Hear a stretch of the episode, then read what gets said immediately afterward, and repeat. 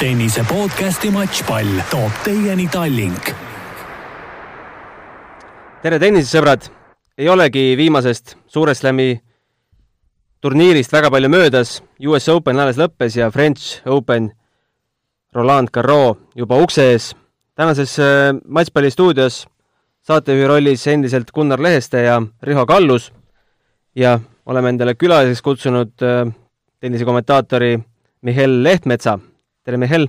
tere, tere! tere, Riho! tervist! no te olete kõvasti saanud siin nüüd viimastel päevadel tennist kommenteerida, kas äh, on veel tuju tennist vaadata? jaa, ikka absoluutselt, eriti Mihhailil ma tean, et on tuju, ta tahaks kindlasti juba põnevusega ootab Roland Garros mänge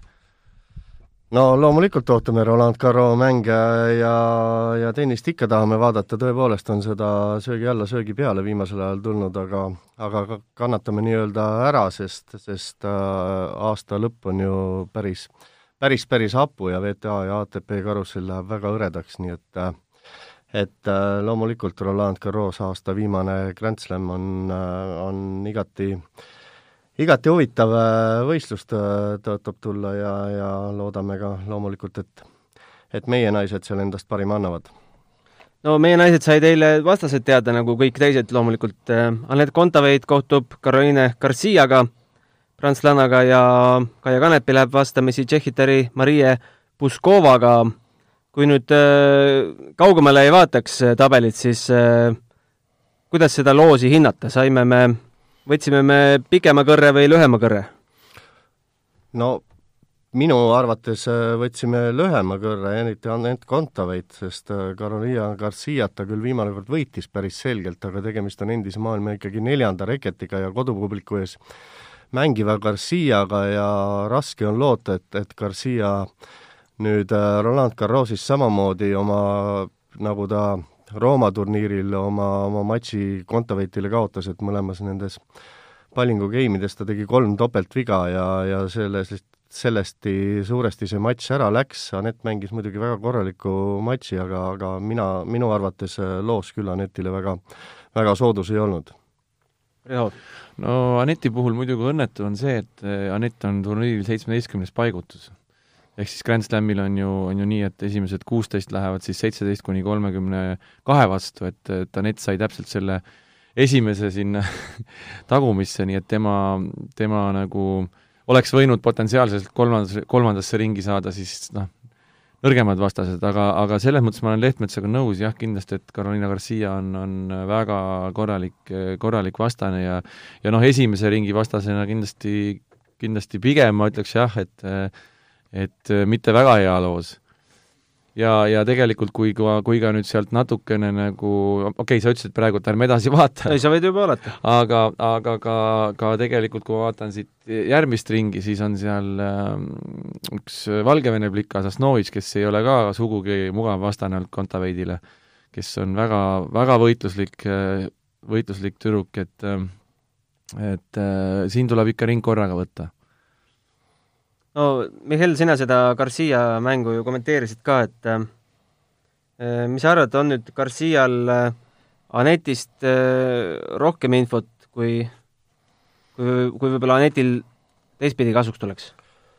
ma ei, ma ei oska öelda, et äh, kindlasti, kindlasti nad üksteise mängu teavad, tugevusi ja nõrkusi ja, ja ja nagu ma mainisin, siis, siis äh, ma arvan, et, et sealt tõepoolest lihtne matš ei tule kumbagile ja, ja ja, ja mõlemad äh, mõistagi loodame, et Anett ikkagi üle mängib Karssi, aga, aga väga keeruline see olema saab ja, ja kordan ennast veel kord, et et ega väga halvemat loosi vähemalt minu arvates esimeses ringis siin tulla ei saanud Anetile. ja nagu Riho ütles, tõepoolest Sasnovitš, äh, võimalik teise ringi vastane, on ju ka Anetile ebamugav vastane, kelle vastu on ta mängudega ju miinuses võidud-kaotused, nii et et keeruline, aga mitte midagi võimatut. no ma tahaks lisada siia seda, et äh, esimest korda on äh, Roland Garros sügisel ja, ja need tingimused on totaalselt teistsugused, me nägime ka tegelikult äh, Roomas seda juba, et äh, väljakud võivad olla aeglasemad, seal võib tulla ette vihmapause, vihmapäevasid, äh, eriti just õhtusessioonidel, noh, ei tea, kuidas netimängud, aga vot õhtusessioonidel on, on veel eriti see, et, et liiv on raskem ja ja pall ei põrka, pall ei põrka nii palju, kui, kui tavaliselt tuleb, on niiskust rohkem ja ja see väljak võib olla aeglasem, et noh, ka ka ma ütleks, et Rafael Nadal oli sellega võib-olla natuke see, võis teda tema mänguga veitsa mõjutada. nii et noh, pigem ma, pigem ma arvan, et selline aeglane ja niiskem tingimus äh, ei ole meie tüdrukutele just äh, soodus, et, äh, et siis võivad mängud pikemaks venida ja ja füüsiliselt raskemaks, et pigem meie tüdrukud on sellised, kes tahaksid ikkagi palju maha lüüa ka aga räägime Marie Puskovast ka, kes Kaia Kanepiga vastamisi läheb, no esiteks me ei tea ju Kai-, Kaia vormist praktiliselt mitte midagi. pärast äh, US Openit ta rohkem pole väljakule tulnud, on eelistanud äh, hoida siis äh, oma mängude arvu sel hooajal nii madala kui võimalik, ei tea, kas üldse pärast French Openit kuskil veel mängib, loodetavasti mängib. Mis teie ootused selle, selle matši suhtes on? Puskovale ta Brisbane'i kvalifikatsioonis kahes setis kaotas korra sind parandan, et loodetavasti mängib jah, aga, aga ega, ega siin väga mängida ei olegi peale Prantsusmaa lahtisi. Putškovale kaotas jah, ja nagu sa ütlesid, siis Kanepi vorm on suur-suur äh, küsimärk ja minu arust on ta praktiliselt igat, viimased igat enne Grand Slami suur-suur küsimärk olnud ja ja tõepoolest kaotas ja, ja olen täpselt äh, sama tark kui, kui teie ja ma usun, enamus äh, kuulajaid meil, et, et suur küsimärk see, see Kanepi on ja ja nagu me teame, siis heal päeval võib ta sisuliselt kõike võita, halval päeval ka kõigile võib-olla kaotada, nii et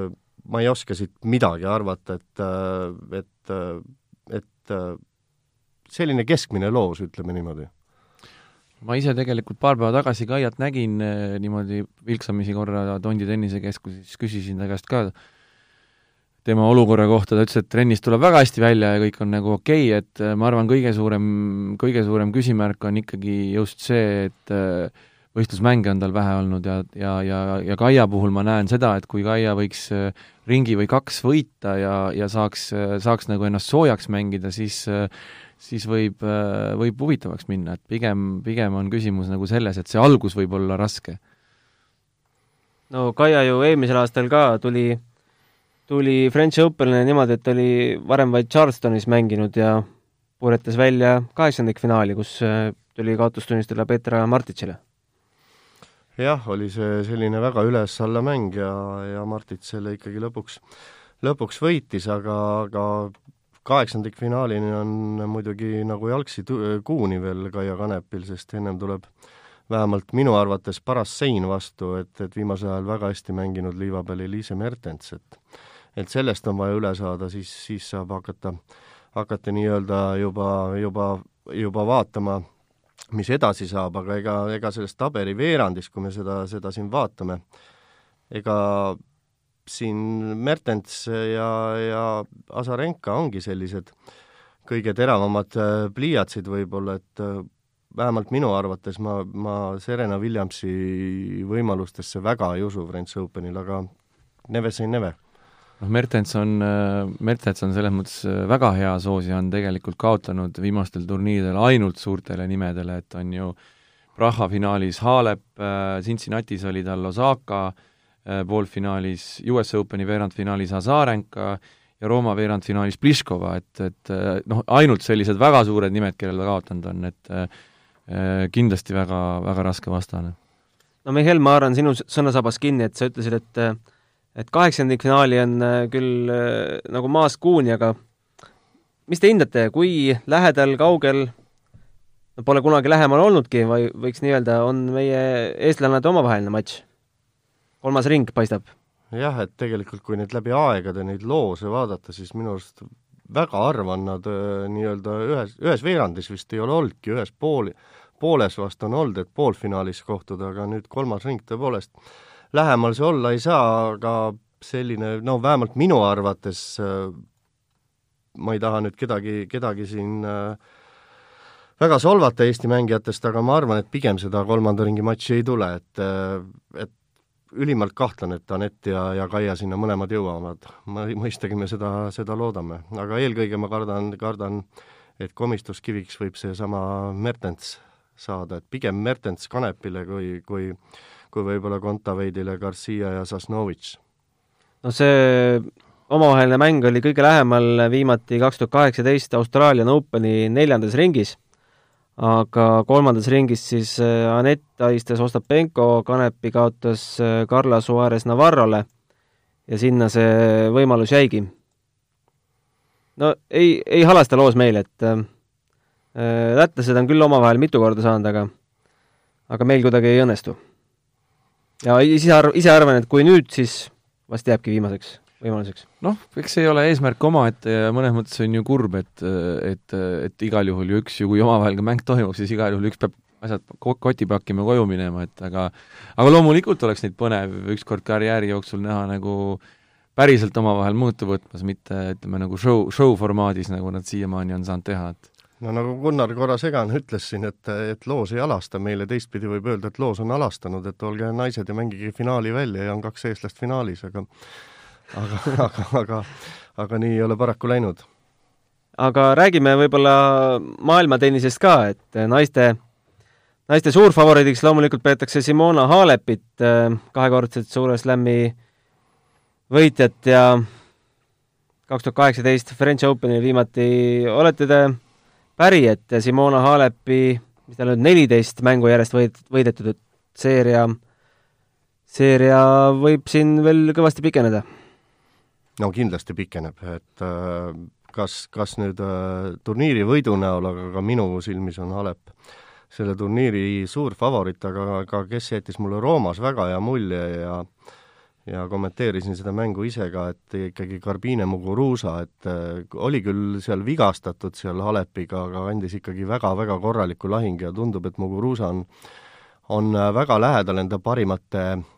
päevade tasemele, on ta ju ka Roland Garrosis võidukarika pea kohale tõst-, tõstnud, et kindlasti Muguruza on üks see, see, kes võiks, võiks ohtlik olla, küsimärk on äh, Pliskova reis,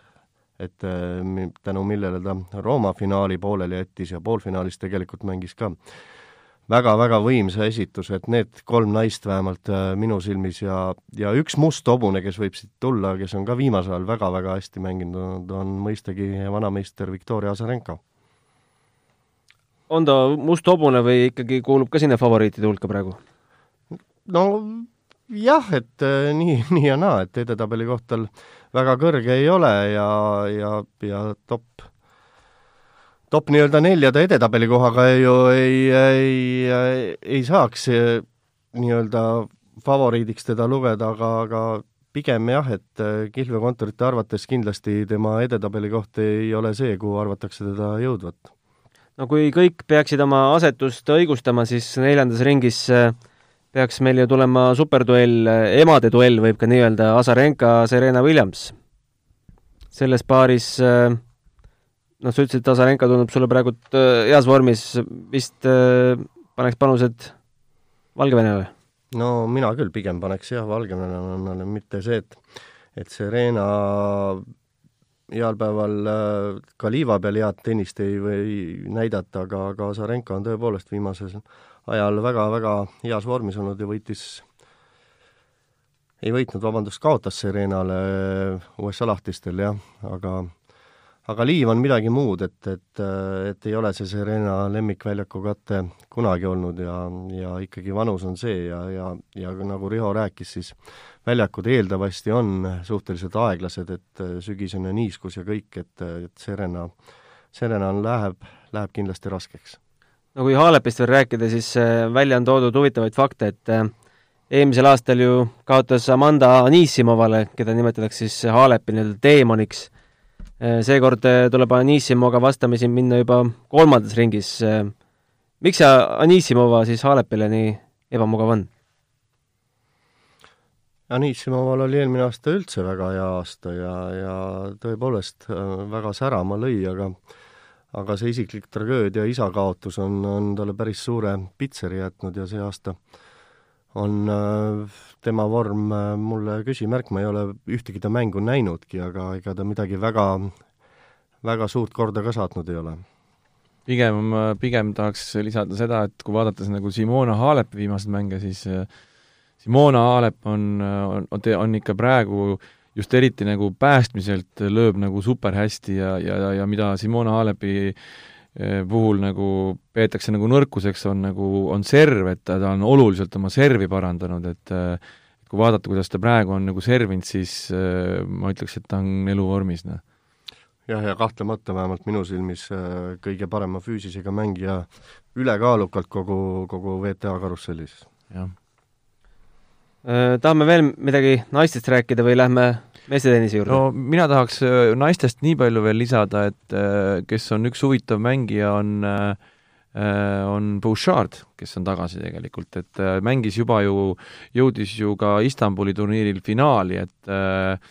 noh, tema jääb nüüd sinna tabeli poole, kus on Vondrossova ja Jastremska, et, et need, need, nende mängijate ma, ma julgeks mainida, et ma julgen pakkuda, et see Bouchard võib sealt ka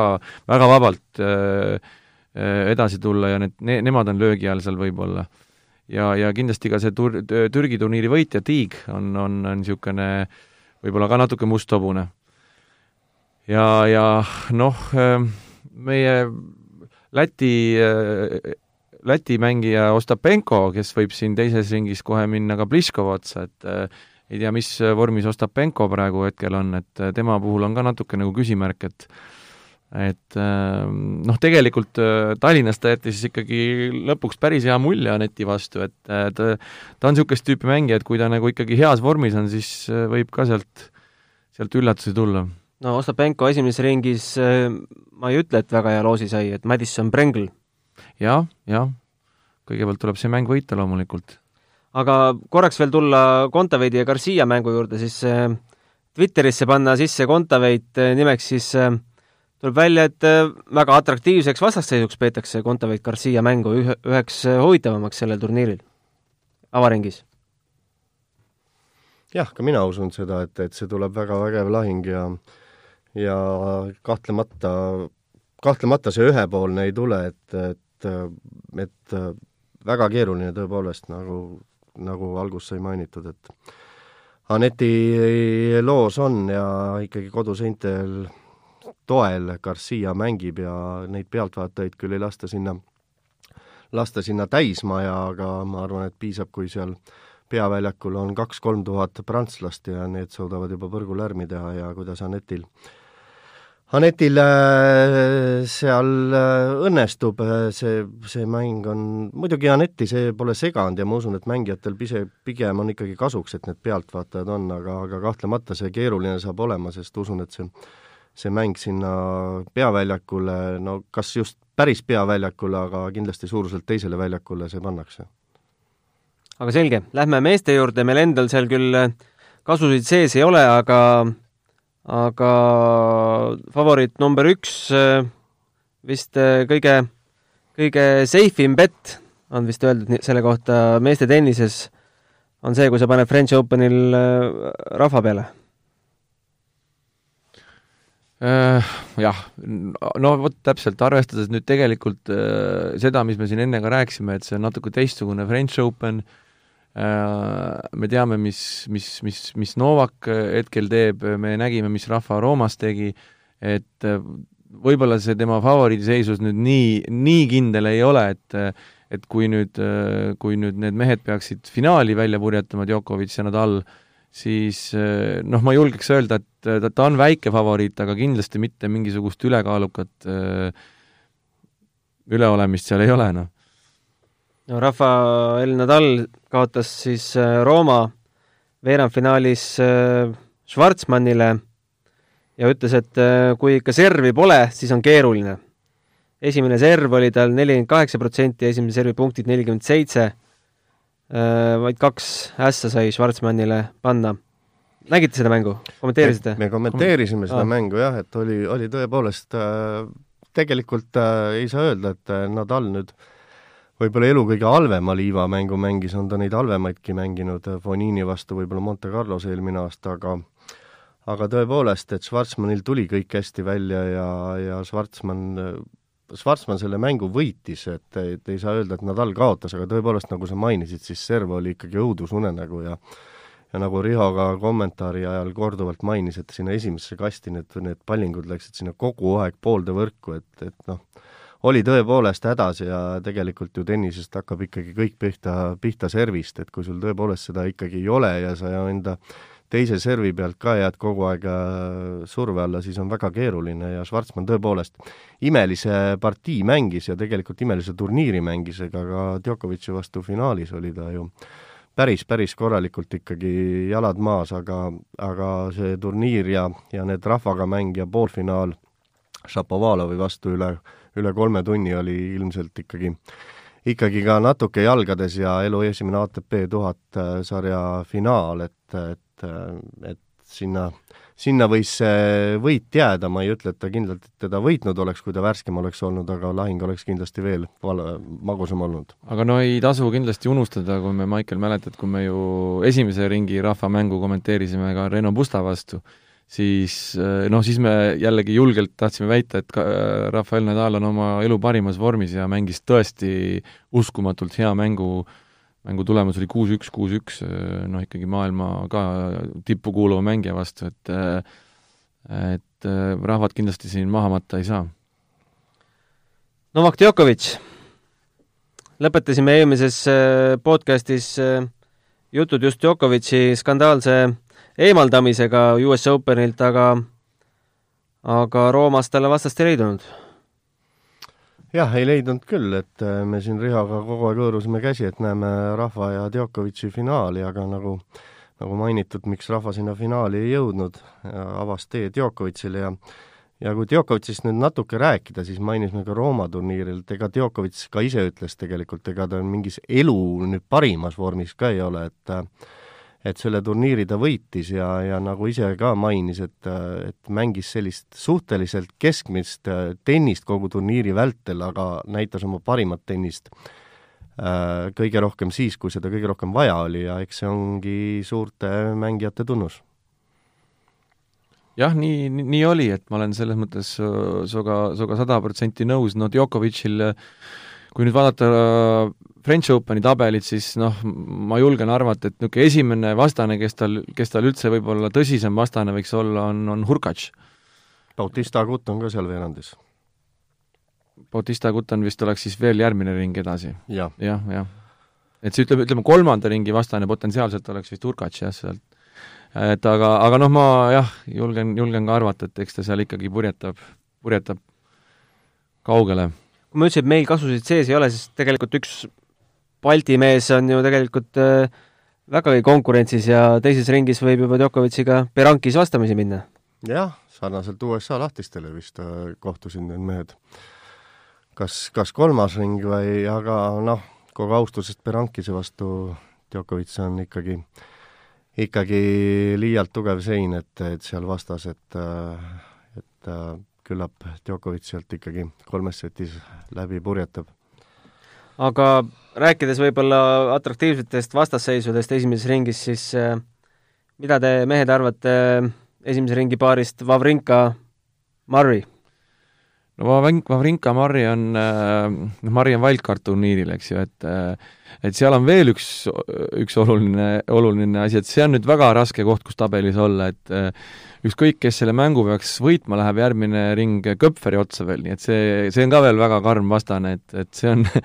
see on jah, uskumatu Grand Slami esimene ring, ring, sellised nimed seal kahekesi. kuigi jah, Andy Murray äh, alustas peale vigastust päris korralikult, aga ei ole nüüd, ei ole nüüd mingisugust ka supermängu veel, veel näidanud ja, ja ka Vavrikal ei ole ju kõige paremini läinud, et, et mehed kindlasti kumbki ei ole nagu oma parimas vormis täna. no Vavrenka kaks tuhat viisteist Frenchi võitja, mõlemad on siis kolmekordsed äh, kolmekordse slam'i võitjad, Marri on mänginud kaks tuhat kuusteist finaalis ja omavaheliste mängude seis Vavrinkale kaksteist, ei, vabandust, Murray'le kaksteist kaheksa. Äh, aga räägime üldse, kummal võib-olla on äh, soodsam tabeliseis, kas äh, Rahval või Djokovicil? võib-olla turniiri algfaas on, on Djokovicil pisut keerulisem, aga kui me hakkame vaatama sinna, kuhu nad nii-öelda välja võivad jõuda ehk finaali, siis, siis veerandfinaalis võib-olla ja ja pool, arvestades poolfinaali, on Nadalil selles suhtes pisut, pisut keerulisem, et ikkagi võimalik poolfinaali vastane on Dominic Thiem, kes on kindlasti vähemalt ma arvan, et kihlveokontorite arvates favoriit number, number kolm seda, seda turniiri võitma et liiva peal eluaeg väga hästi mänginud ja nüüd on USA lahtiste tennisemeistrivõistluste nii-öelda Grand Slam ka avatud, et see on võib-olla Nadali jaoks äh, poolfinaali arvestades keerulisem, et võimalik poolfinaali vastane Djokovicile Medvedev, et võib-olla ei ole päris see olnud äh, viimasel ajal ja, ja ka liiv võib-olla ei ole Medvedevi kõige tugevam külg, et selles suhtes algfaasis vast, äh, vast Djokovicil äh, pisut keerulisem, aga, aga võimalikult poolfinaal on, on Nadalil keerulisem. no ma tahtsin veel lisada siia seda, et seal Nadali, Nadali poole peal noh, kui nüüd huvitavatest esimese ringi vastasseisust veel rääkida, siis on seal üks äh, selline vastasseis nagu Jannik Sinner ja Goffin. ma ei imesta, kui selle mängu võitja tuleb neljandas ringis, mängib ennast äh, Nadali vastu välja, et see on kindlasti väga, väga huvitav ja taset, tihe esimese ringi mäng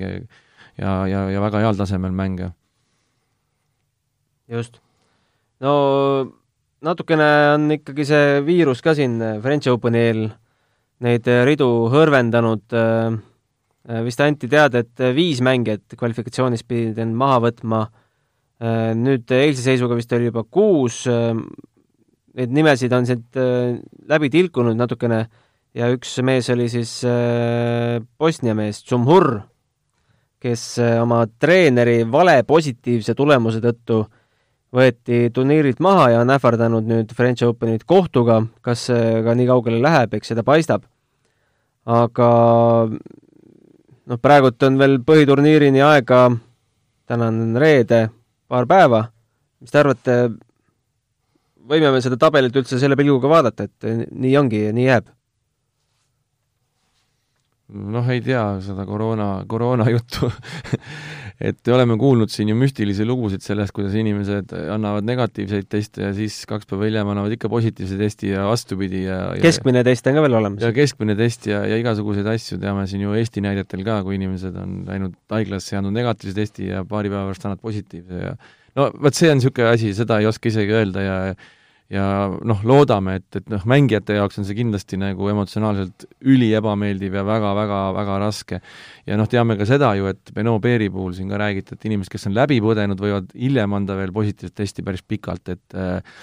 noh, siin on küsimärke loomulikult, et äh, aga noh, ega korraldaja seisukohast ei ole midagi teha, sa pead tegema kõik selleks, et see asi oleks sada protsenti turvaline kõikidele ja igasugune väiksemgi möödalaskmine võib nagu kogu üritusele kriipsu peale tõmmata, nii et ega siin, ega siin tuleb hoida ikka kätt pulsil. no korraldajatel ka lihtne ei ole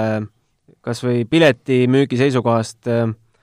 alustati vist äh, plaaniga panna üldse kakskümmend tuhat äh, inimest päevas peale mis oleks olnud siis kuuskümmend protsenti kogu areenide mahutavusest, seda võeti maha siis üksteist tuhat viiesaja peale ja lõpuks siis viie tuhande peale, aga eelmisel nädalal äh,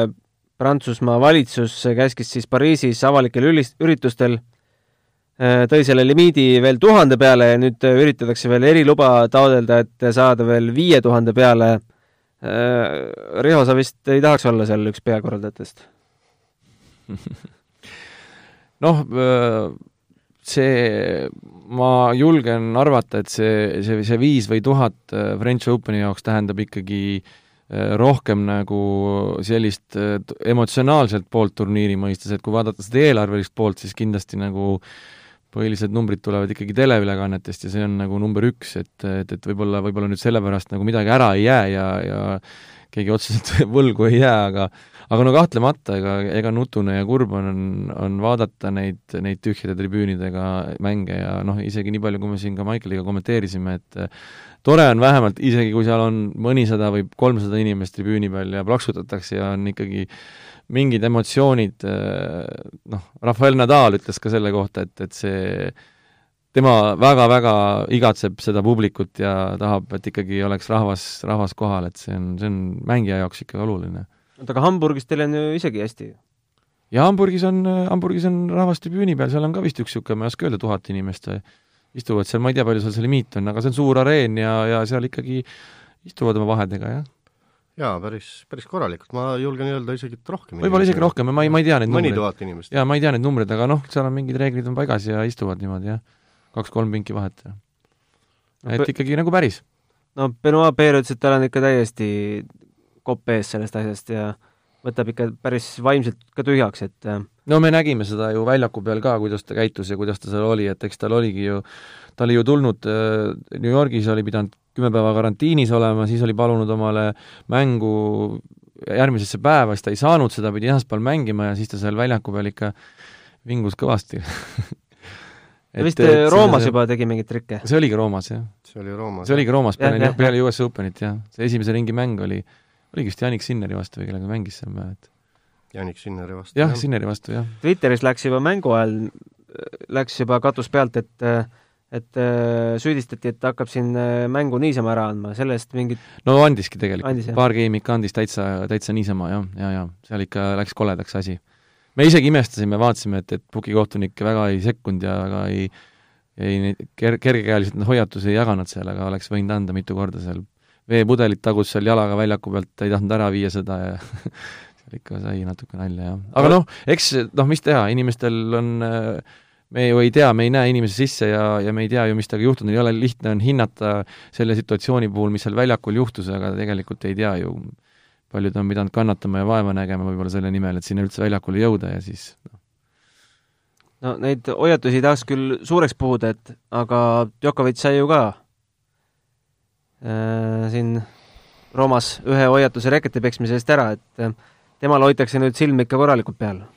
hoitakse jah, aga ma imestan ise ka, et Djokovic oli kogu selle Rooma turniiri vältel, et päris närviline oli kogu aeg, et et oli tal ühele ja teisele kogu aeg seal midagi ütlemist ja, ja Djokovic ei ole nagu päris see võib-olla, mis ta aasta tagasi oli, et pisut pisut on närvid teda viimasel ajal alt vedanud, no jätame selle, selle õnnetu juhuse välja, aga, aga kogu aeg on tal kellegiga ikkagi kobisemist, kui ta kaotusseisus on ja ja ei ole, ei ole päris see, mis ta võib-olla mõned aastad tagasi siin vaimselt suutis olla, ise ta ütleb, et ta selline inimene on ja kindlasti ei ole see viimane räket, mille ta ära lõhkus, no usume ka, et ei ole, aga aga eks see võib-olla pisut näitab, et ta ikkagi perfektsionist, nagu ta on, et ta võib-olla ikkagi enda mänguga sajaprotsendiliselt praegu rahul ei ole. mis te arvate, kas Roger Federer vaatab seda turniiri algusest lõpuni või vaatab ainult finaali? ei, kindlasti mitte ei vaata algusest lõpuni. vaevalt aga noh, eks ta vaatab neid asju, mis talle huvitavad tunduvad, et tõenäoliselt on ikka ju oma oma mingisugused eesmärgid, kui sa tead, et sa tuled äh, tuled äh, aasta alguses tagasi tuurile, et siis sa võib-olla jälgid mingeid mängijaid seal ja keda sa tahad seal, kelle vastu mida teha ja eks ikka, eks ikka oma ülesanded võib-olla, aga, aga vaevalt teda nüüd tervet turniiri ma ei usu. ma, ma ka ei usu, et äh, et äh, pigem võib-olla tõesti selliseid tähtsamaid mänge kui, kui sedagi, ega, ega neil tennisistidel on ka ju tal on nii palju lapsi, neli last kodus neli last kodus jah, et äh, jõua vaadata telekat? mul ka neli last, aga, aga peab kommenteerima ja vaatama ka veel ja ja aga usun jah, et, et äh, midagi kindlasti jälgib, aga rääkides sellest, et järgmine aasta Riho ütles, et ta tuurile kohe algust tagasi tuleb, no kõigepealt peab järgmine aasta see tuur pihta hakkama, et äh, ülimalt kahtlane see ju on praegu Austraalia olukorda arvestades, siis ei näe küll mingit võimalust, et see Melbourne'is see aasta esimene Grand Slam mängitakse, et et tuttava elab seal ja ütles, et seal on ikka sisuliselt on see linn on kuude viisi kinni juba, et vaevu poodi lastakse sind ja, ja tagasi ja no ma kaldun, ma kaldun küll arvama, et nüüd need, need Covidi reeglid on juba nii paika pandud, et tehakse need asjad ka ilma, ilma publikuta ära, kui vaja on ja väga rangete tingimustega. aga mis on nagu French Openi puhul äärmiselt positiivne, on see, et et seekord saavad väljakule ka joosta juuniorid et New Yorgis teatavasti juunioride turniiri ära, et meil on ju, meil on ju siin endal noor juunior Mark Lajal, kes meil siin ka saates käis, on ju potentsiaalselt järgmisel aastal võiks, võiks juba pääseda äkki Austraalia Openil juba äh, turniirile, et ma, ma väga loodan, et see ikkagi toimub ka Austraalias, et äh. mis sel Lajalil see võiduseeria juba on nendel, ta on nüüd mitu juunioriturniiri järjest võitnud? no Lajal praegu just Tallinna ITF turniiril peaks olema minu teada poolfinaalmäng tal täna, ta on nüüd võitnud äh, kak-, kaks turniiri vist Lätis ja ja need on küll natuke madalad, madalad kategooriad, et ta võiks mängida kõrgemat, aga noh, eks ta praegusel hetkel lihtsalt ei saa, ei saa minna kõrgematele turniiridele. aga väga hästi mänginud ja ikkagi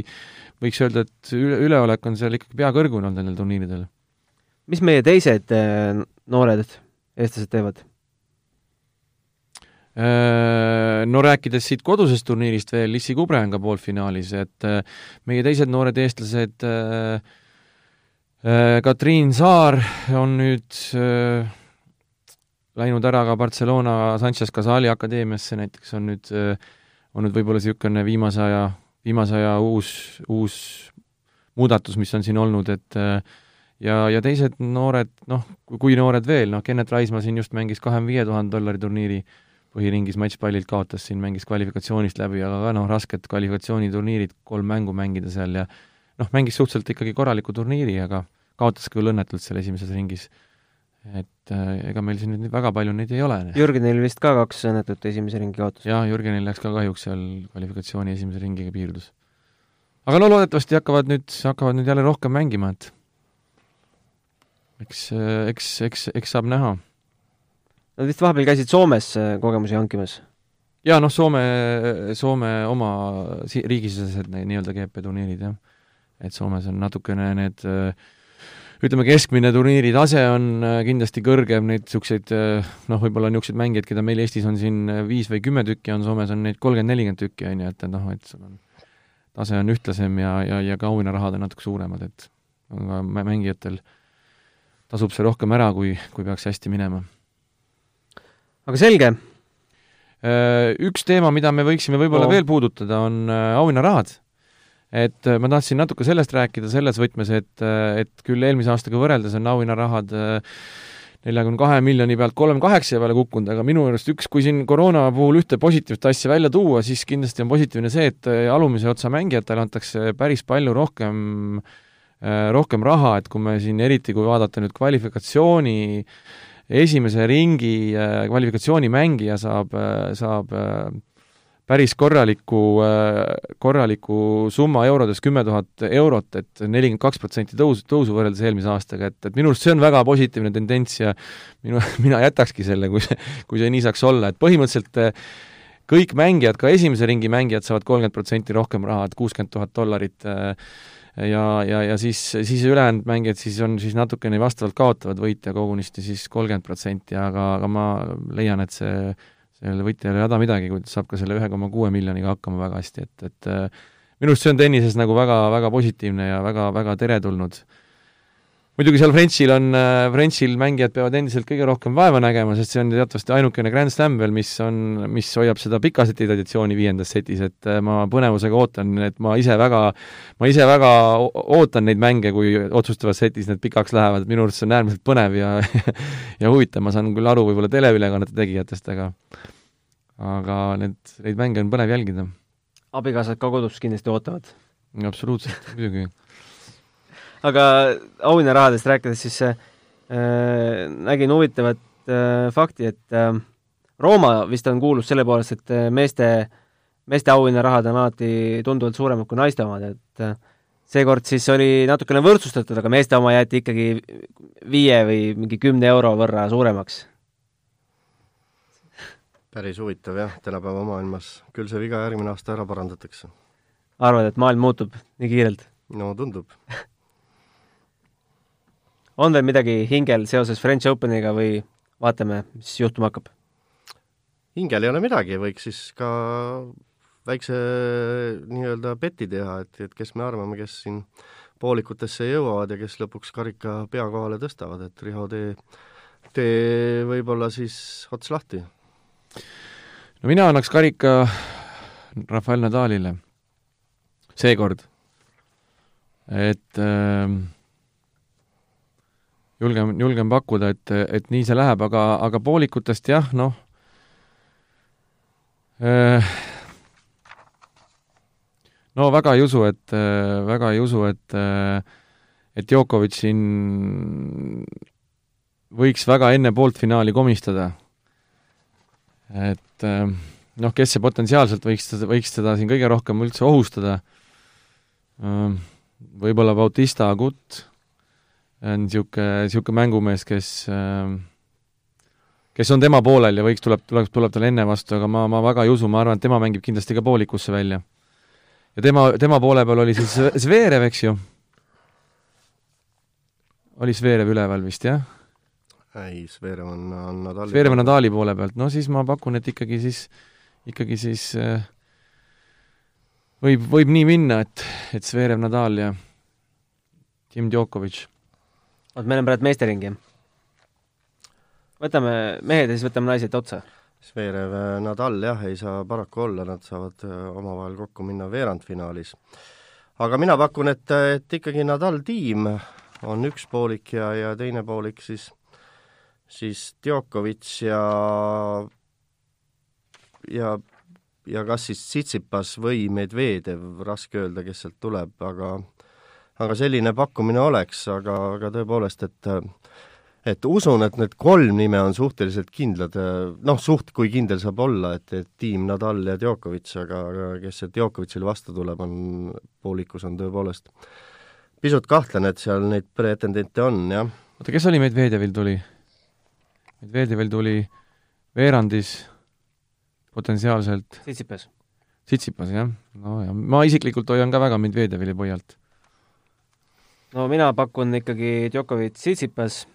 mulle Tsitsipas sümpatiseerib. Äh, viibisin eelmisel aastal äh, pressikonverentsil, kui ta lõpetas selle neljatunnise või viietunnise matši Oliver Vavringaga või? mõlemad olid äh, päikesest läbi põlenud, jumala tühjad. kaotas vist seal matši? vist kaotas ka veel jah, et et oli päris, päris huvitav vaatamine ja Novak, Novak ja Tsitsipas paneksin mina ühelt poolelt ja teiselt siis no Nadali peab ikka panema kelle me siit võtame? võta suvaline. no me rääkisime siin äh, enne stuudioväliselt sellest Kasper Ruudist. Äh, aga kusjuures Kasper Ruud Mihhail ei välistanud, et võib Hamburgis ära võita. on kahtlemata väga, väga, väga hea mängumees ja on nagu kogu aeg tõusvas joones liikunud, et et, et mina arvan, et seda meest me kuuleme siin veel lähiaegadel päris palju. Ma arvan, et see koefitsient, et Kasper Ruud jõuab poolfinaali, on päris hea, ma panen selle peale. võtame naised ka ette no võtame naised ette. no ma teen siis algust, Simona ja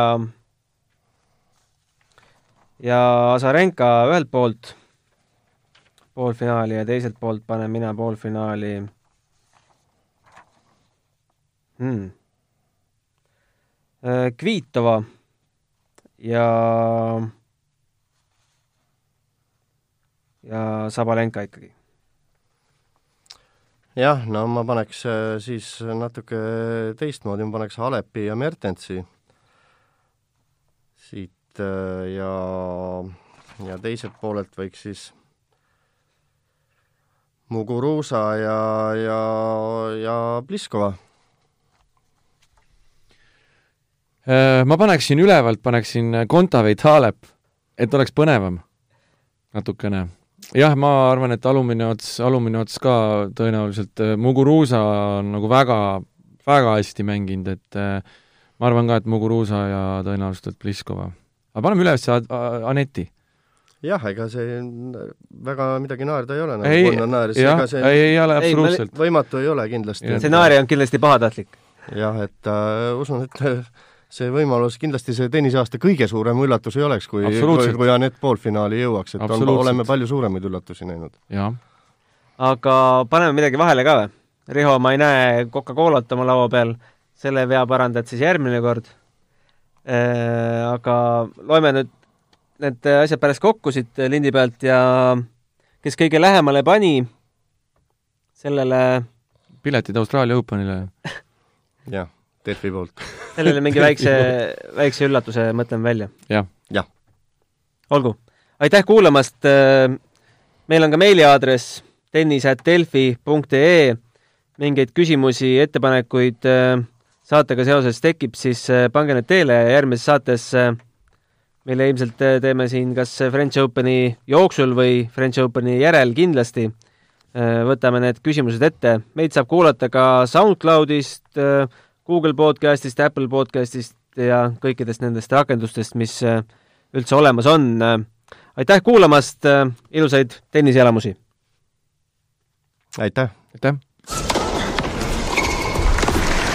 tennise podcasti Matšpall toob teieni Tallink